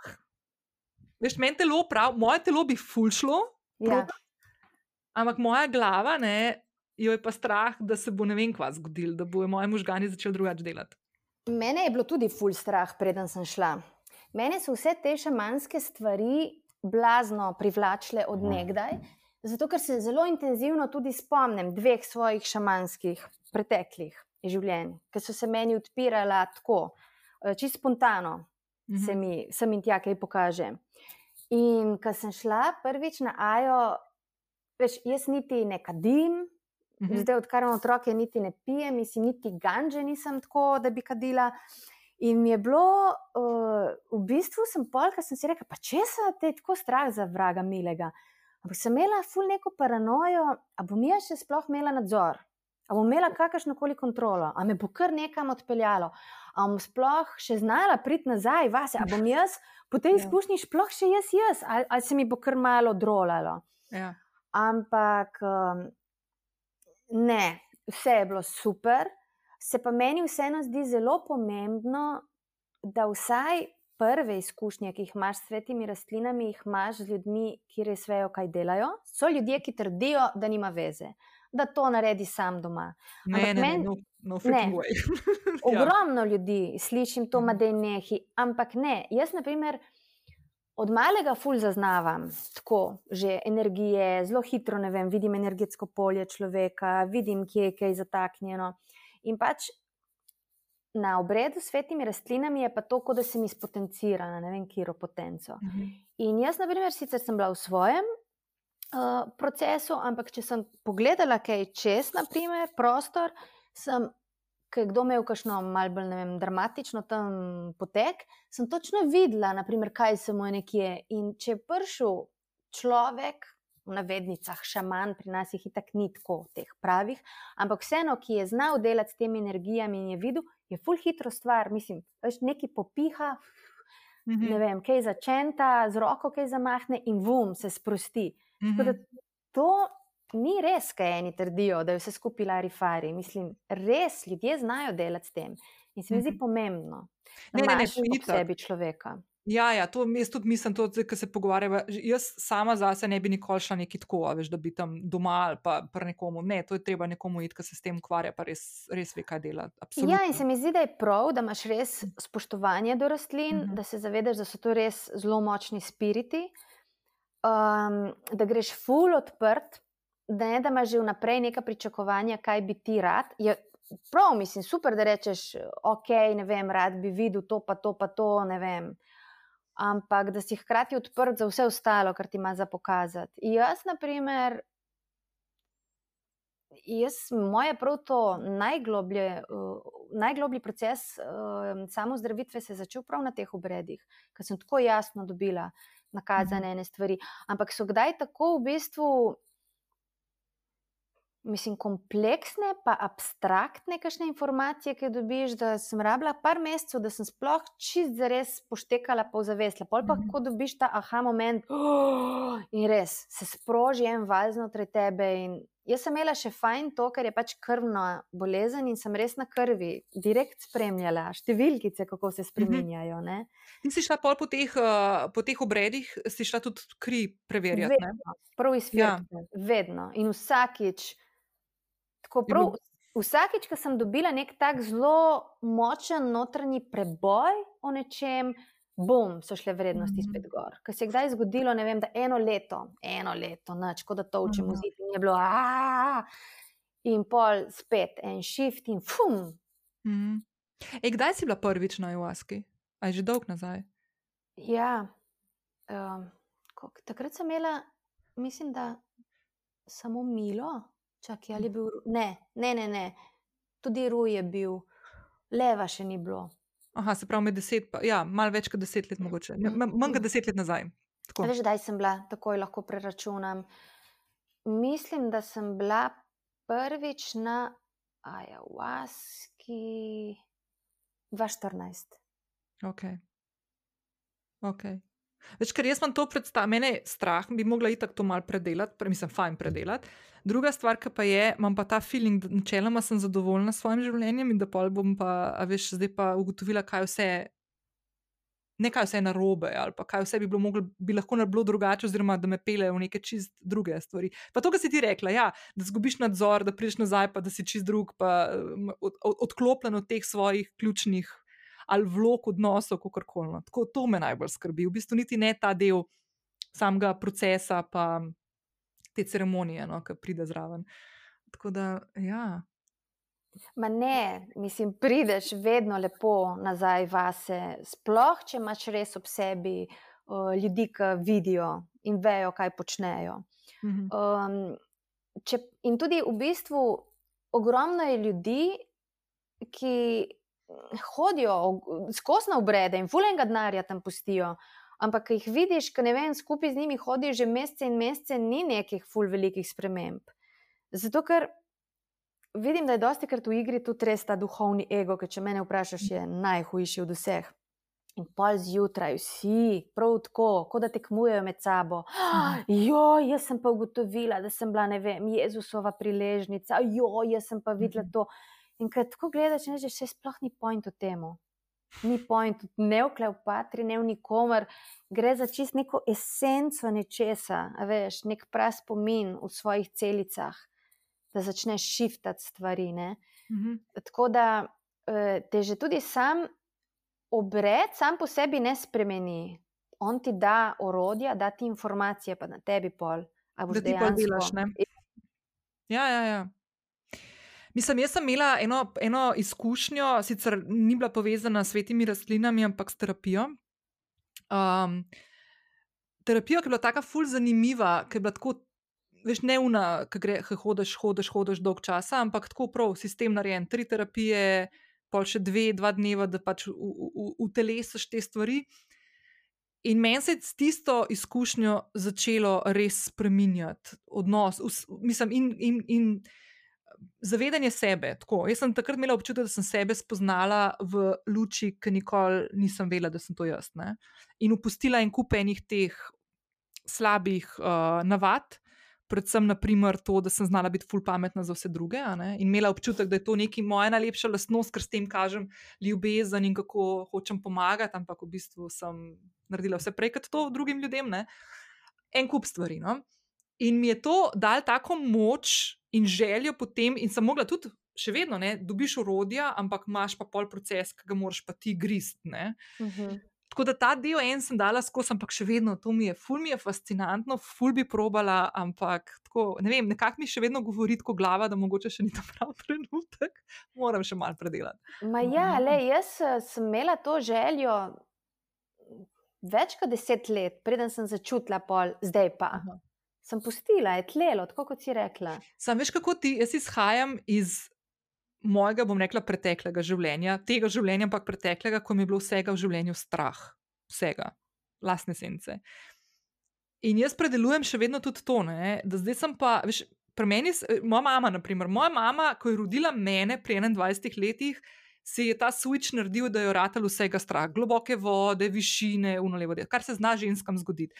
Jaz imam kontra zgodbo. Mene je bilo vsega v življenju strah, pa sem pa začela par let nazaj biti malo bolj pogumna. Ne? In sem šla razno razne stvari delati, ki jih nikoli v življenju prej ne bi. Ne? In zdaj postajam tako pogumna, tako da jaz, v, v, moj, moj ta prvinski strah ostaja, tle mi pač ti stari vzorci sporočajo, da je ne biti nora, ne, kao. Ampak ta moja radovednost, ki se je zdaj zbudila, ne, ki je spala, zgleda, toliko časa, je pa, je pa unak, me pa žene. Ne? Ampak ja, bom, bom, bom provati, bom sporočila, me ful zanima, kako bo to izgledalo. Je pa možno, da bom šla na ta kambo tudi prej, no? čisto no. za fora, da vidim, uh, kako to izgleda. Okay. Um, ej, mojca, mal bi se vrnila na tvojo ustvarjalno pot, pa me zanima, um, kje ti najdeš navdihe, kje je tista stvar, kateri so lahko za te, naprimer, ki imaš še en tak dan, ki si zanj, ki si prej omenila oh, kar neki, ne? nek tak čuden dan, če nisem naredila. Uh, a imaš kakšen tak vzvod, kamor lahko greš, da najdeš neko dobro voljo, energijo, navdih, kreativnost, kar koli v tistem trenutku? Naprimer.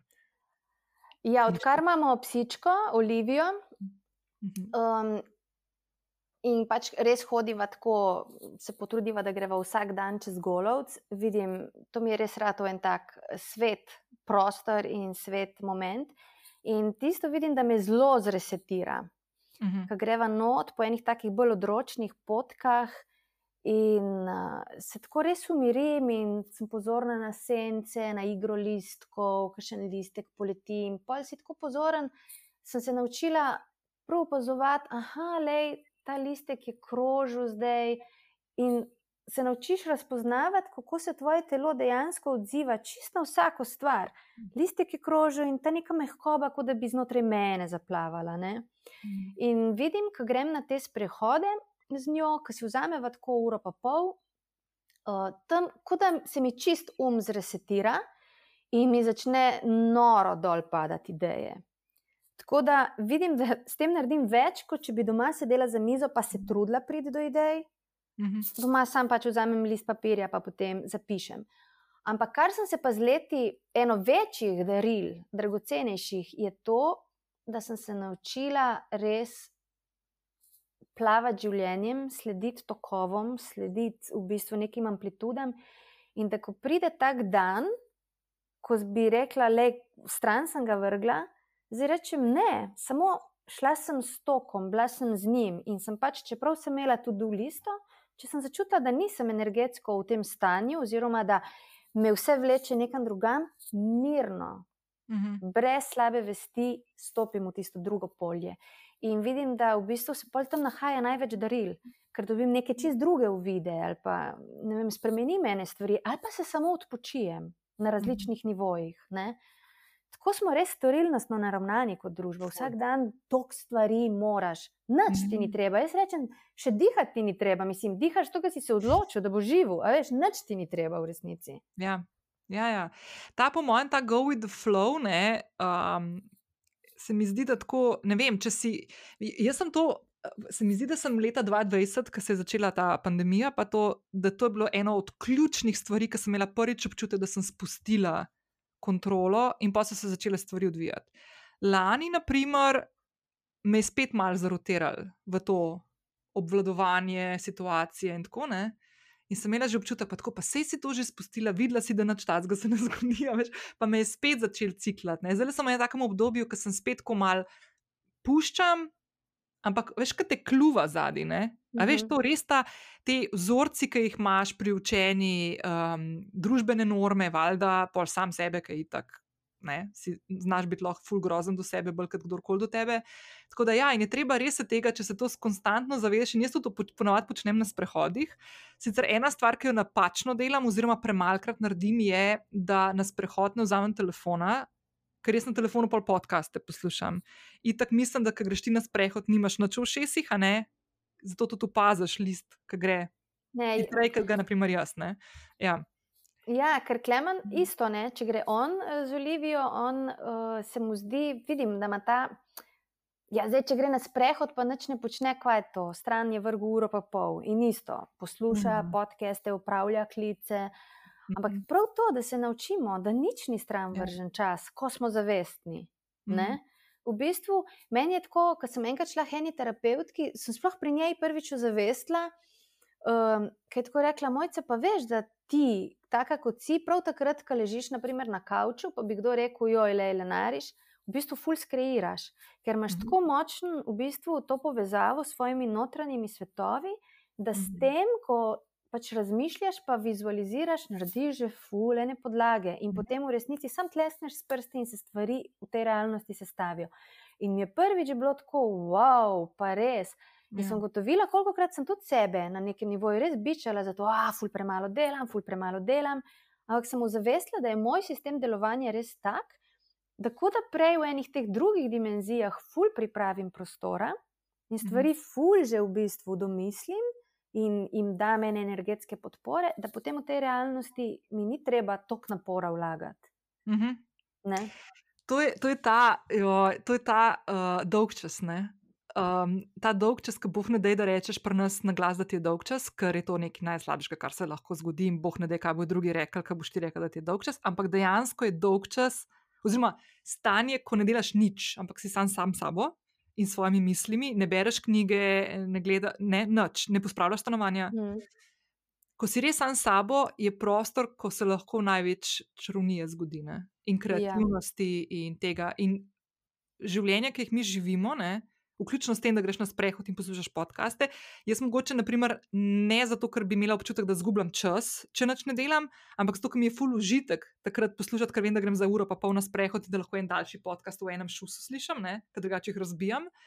Um, ampak vseeno, um, je čas, ki je najbolj dragocen in takrat v bistvu, jaz enkrat eno knjigo sem brala. Ki je govorila prav o tem dolg času pri otrocih, ne? kako jim tudi otrokom dajemo zdaj ful te signale, pa računalnik, pa televizijo, pa tablico, pa uno, pa levo, pa, pa skozi morajo biti zaposleni z nečem, da jim ni dolg čas, pa levo. Koliko manj bo zaradi tega pisateljev, koliko manj bo igralcev, koliko manj bo slikarjev, koliko manj bo glasbenikov, zato ker nimajo časa, da bi sploh razvili željo Mhm. po nekem kreiranju in ustvarjanju. Ne? Ja. Tako da, ja, um, noro. Eno od stvari, ki sem jo hotel danes s tabo tudi pogovorce, je, ker smo glih pri kreativnosti in ustvarjanju, je tudi uh, pravljica, ki si jo uh, izdala, oziroma uh, zbirka uh, Mhm. Osamljeni gaj. Da mi malo razloži, kako je do tega prišlo, pa kaj je, kaj, kaj je ta pravljica oziroma zbirka. Um, jaz sem odnegdaj rada pisala, ker se mogoče spomniš že z gimnazije, da je to te spisi, ki smo jih pisali, to mi je bil res najljubši del. In v bistvu um, to zimsko sem napisala, po mojem, več kot deset let nazaj, ker je bila Mila še čisto mečkana, Aha. ampak je bila seveda, ful je bilo preveč vsega. Um, pa se naučiš tudi z leti, da je res potrebno si vzeti tudi distanco, stvari morajo odležati, eh, da imaš nek eh, boljši upogled v stvari. Um, pol pa, ko smo, pač mi res ogromno otrokom beremo doma in kdaj nam je že zmanjkovalo zadev in sem si začela zmišljati. In tako dolge zgodbe, in potem je prišla čisto ideja, kaj pa če bi jaz v bistvu ta usamljeni gaj povlekla z predala, pa bi probala, pa da naredim v štiriletne čase, čisto je prišla ideja. In v bistvu najprej za njih se mi je zdelo ful zabavno, če bi smisla, da jih bom jaz kaj tako ilustrirala, pa kratko sprintala, pa da jim tako za hec podarim knjigice. Potem pa se je pač pojavila ta priložnost, da so dejansko išle v taki obliki pri založbi Kjara. Noro. Tako. Dobro, in to je zdaj, kaj konec lanskega leta je šlo, in uh, bom jaz dala tudi link v zapis epizode, tako da lahko uh, tudi poslušalke in poslušalci skočijo tja. In zdaj si tudi uh, knjižna uh, avtorica. Evo. The best. Ful dobro. Ej, kako se počutiš, ko si knjigo izdala? To je meni tako taka romantika. Zdaj sem se prejšnji teden pogovarjala z Aljošo Bagolo. Ne? Um, kako, kako zgleda to? Meni men se zdi tako romantična zadeva, tako da knjigo izdaš. Ne? A je to romantična stvar? Ma, mislim, kar mi je bilo zanimivo opazovati, da naprimer, ko sem dobila mesič, knjige so šle v tisk. Oh, sem bila in sem rekla, moj bog, pred nobre, nobeno premjero še nisem bila tok. Oh, um, je poseben občutek. Pa se spomnim, ko mi jih je založnica prinesla v škatli domov in smo doma potem z otroci to odprli in jih zagledaš in jih prvič primeš je ful poseben občutek. Pa, pa vem, kaj je rekel, mami, mami, deva prebrati jesensko, pa sem rekel, da ne bova zdaj brala, to sva, ker sem jih ful buzerirala s tem, oni so valjda bili moji testni zajčki. In vsakeč, ko sem nekaj na novo premetala, ali kaj, čakaj, dejte povedati, je bilo boljše ali ni bilo boljše.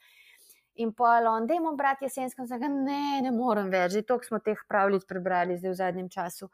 Pa je ustrajal in je bilo zanimivo, kako drugače jo je bilo brati Prej sem Aha. jih brala iz uh, prenosnika, ne, vedno, ker sem pač pisala in sem jih brala tako iz Worda.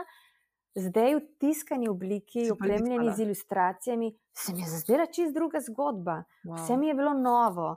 Tako da, ma ja, mislim, jaz mislim, da ne samo knjiga, ampak da karkoli v življenju, karkoli, tako kot si prej rekla, makar da vidiš klopco, ki razpada, pa se odločiš, da jo boš ti vdahnil novo podobo. Karkoli skreiraš iz noter na vzven, je ful poseben občutek. Ja. Pa da spelješ eno stvar od ideje do realizacije. Ne? Tudi to Ja. se mi zdi, to, da je to taka full velika zmaga. Se ne rata vsaka, vsaka zadeva, tudi ne, ne mogoče, da rata vsaka stvar od ideje do realizacije. Ne? Ampak tista, ki pa rata, ne? pa da s tem še zraven nekako razveseliš nekoga drugega, pa mu polepšaš, naprimer, eni mamici, očetu zvečer, ki prebere to svojim otrokom, ne? je pa to pol še, še dodatno, nek dodaten smisel. Ne? Ja, res. Fulepo.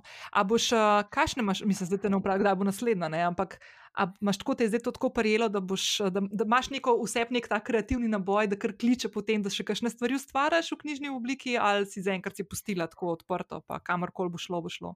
Ne, veš kaj, devet, vseh skupaj, tako nekih osnutkov, idej za pravljice, uh, skupaj že s temi osamljenim gajem, jih je devet. In sem si ful rekla, da je mojca, pa da je brcni se urit, pa končaj te stvari, sploh dokler so zdaj tvoji otroci še mečkani in je to še drive, ne. Mhm. Kamili je relativno vseeno, pač ok, se ja, mama super, wow, navijam za te, ampak ok, tu če ni teh pravljic, ne. um, tako da zdaj eno sem že končala, dve, z dvema se zdaj tako ukvarjam, da um, iščem ene podatke, pa strukturo delam in nekako, evo, na to-do listi imam, da bi jih rada zaključila, preden grem na dru- druge pol projekte. E, ampak, ok, zdaj pa to. A to vsak dan greš na to, tudi, ne tudi list, ampak v te strukture, se vsak Ne. dan s tem ukvarja? Ne, ne. ne. Mislim, v mislih, mi, v mislih ja, ampak jaz nisem, niti slučajno. Klemen je zelo tako, on si prav da, ne vem, 20 minut delam to, zdaj delam eno uro to, pol ure delam to. Ne. Ma, Ne, meni se ne. zdi, da itak smo ženske drugačne, le naš Ja, ja, ja. cikl men- menstrualni Mhm. pelje. Svidim Ja. ja. pač, ko si v enem obdobju cikla in to mi je bilo tudi ful veliko darilo, ker sem pred leti šla na to delavnico, delavnica za maternice z odgovornimi lastnicami od Vesne Juvan. Aha. Uh, in sem rekla, mater vola, pa gled, koliko sem stara in ko mi zdaj ozaveščam, kaj je to sploh menstruacija. Veš, to je nekaj, kar jemliš kot samoumevno.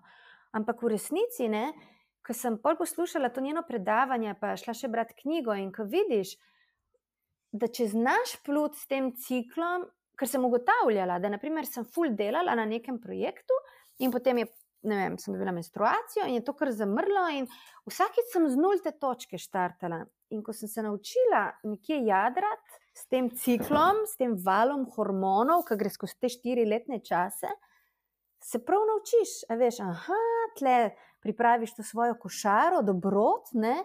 in zdaj jo tle na varno pospravim in si zapomnim, kje je, da ko pridem čez te tri Mhm. vale nazaj, ne začnem na novo vseh malin pa borovnic nabirati, ampak imam že vse pripravljeno. In začnem naprej, naprimer, pripravljati to za pito, če govorim tako malo Ja, ja, ja. eh, abstraktno. In uh, ko sem ozavestila ta proces, v bistvu menstruacije, sem se naučila zelo bolj tudi poslušati sebe, si daje dovoljenje za počitek, daje v bistvu dovoljenje za to, da nisem aktivna. A veš, Ja. to se mi zdi ful pomembno. Ej, ampak veš, kako je noro, da, da, da te, lej, če mene zdaj vprašaš, jaz še ne bi imela aplikacije za menstrualni cikl, ne bi vedela, kje se nahajam, kakšen dan. A veš, tako si diskonektan od. Jaz, mi je neroden to povedati, da pri 43 letih imam totalno ne pojma o teh. Plus, da nisem nikoli imela otrok, nikoli se nisem ukvarjala s plodnostjo in s temi stvarmi, veš.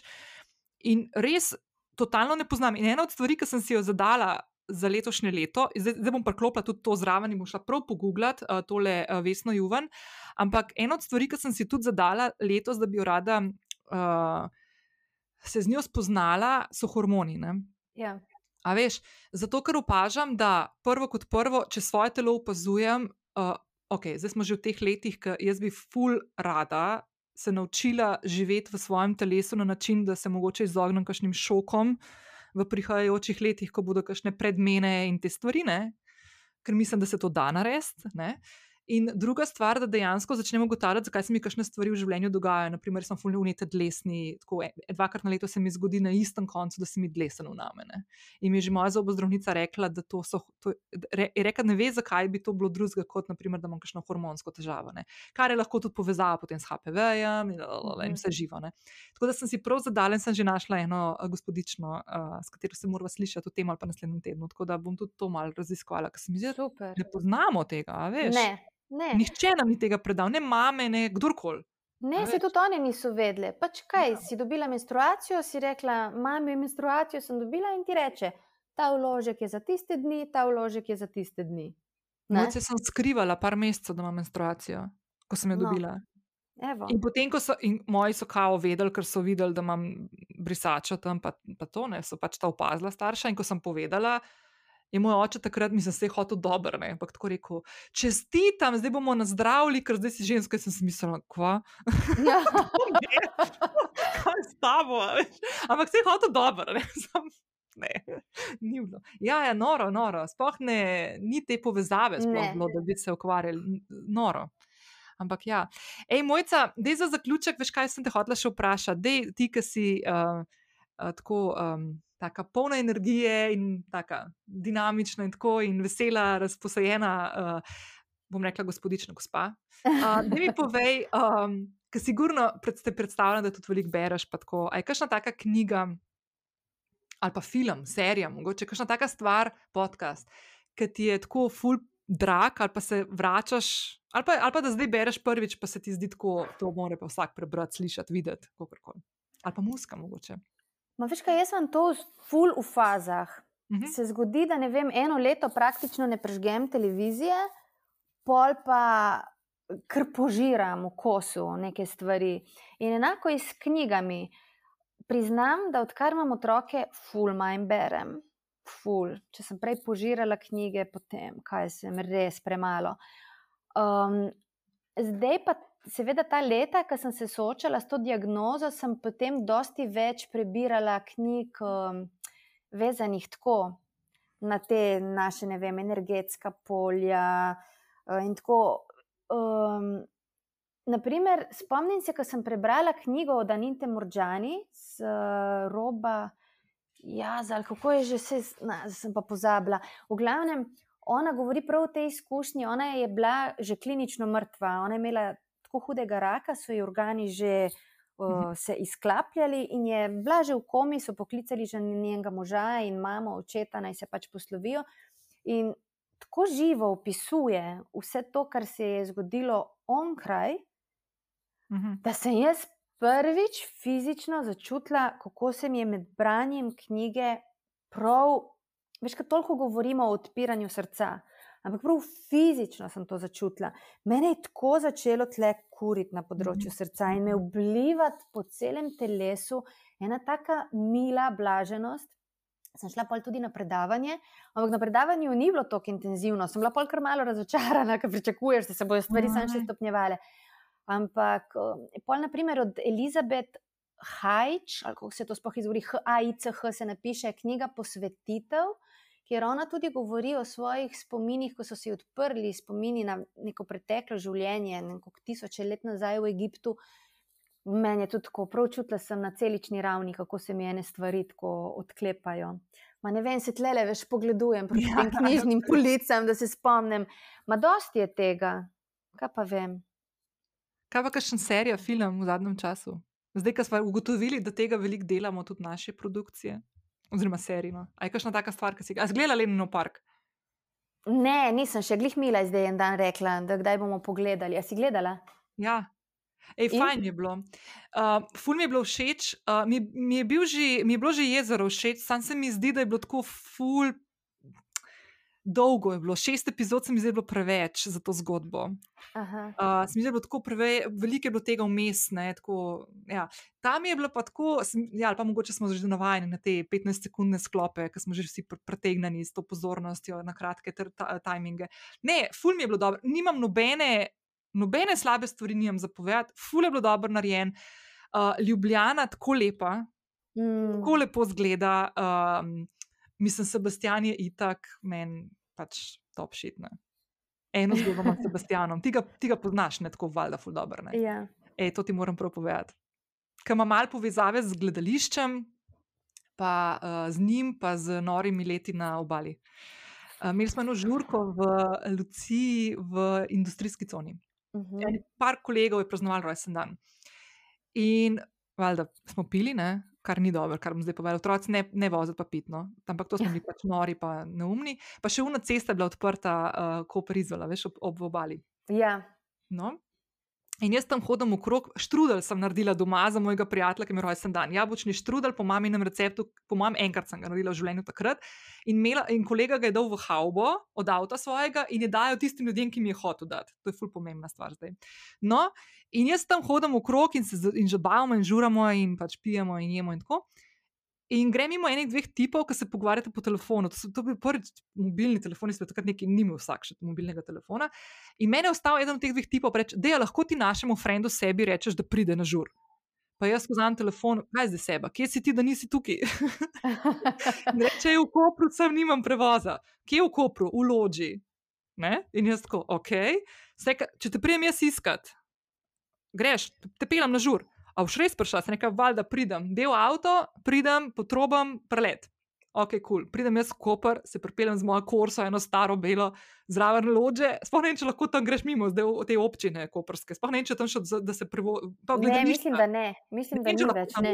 No, časih si se lahko pripeljal. Pridem tam na, na, rob, na rob, potrobim in gre okrog vogala Sebastianka Vaca z dvema uh, grisinoma s pršutom. Se vse do moj avto in jaz tako, ti mene zdaj bavaš. Res, kaj? Res. In jaz celo pot do izda, do Lucije mu razlagam v štrudlu, on proba v štrudlu, rekel, mater je fantastičen, to je še enkrat recept, da to glavim, to je moja zgodba s Sebastianom Kavaca in je Ma. to genialna, res. Filmska, lej. Res Filmska huda, res zgodba. huda. No, in zdaj, ko ga gledam v Leninovem parku in zdaj, ko mi čakam dolino rož naprej, mi je res tak, ma, top shit mi je bil. Vse, kar so naredili, mi je bilo the best, res. Tako prav. Super. Tako da, če kdo ni gledal, mora to gledati, pa knjige tudi prebrati. Uh, evo, Olivija, the best. Ja. Um, ej, veš kaj, um, jaz te bom kar pustila, ful ti hvala za tole, um, pet na sprehod, vidim, da, da te že kliče. ja, ja, to je prišla povedati. Kaj je zdaj? A bo, bova šle ali ne? Ali kakšno sonce zvoni? A je, ne, ja, pa res. Ja, ful je lepo. Ful dobro. Super. Ja, Nina, draga, ful lepo, ful ti hvala za povabilo, ampak jaz se nadejam, da se končno E, morva. uživo, ker vidim, da Moramo. ima ogromno za si povedati. Morva, ne nujno, Ja. res, res. Dej, ker se bo zdaj tole mal pomladka, bo prišla terasica, kakšna te pelem Ja. ja. Čaj, gin, tonik, pivo, whatever. Izbiri, kar bo pasalo v tisti moment. Tako da ja, Super. a prav. Ej, ful Ja. ti hvala, ful, ful hvala, pa uh, uživaj na sprehodu, klemno pozdrav, pa lepo se majte. Ja, hvala, ti tudi. Čau, čau. Čau, čau.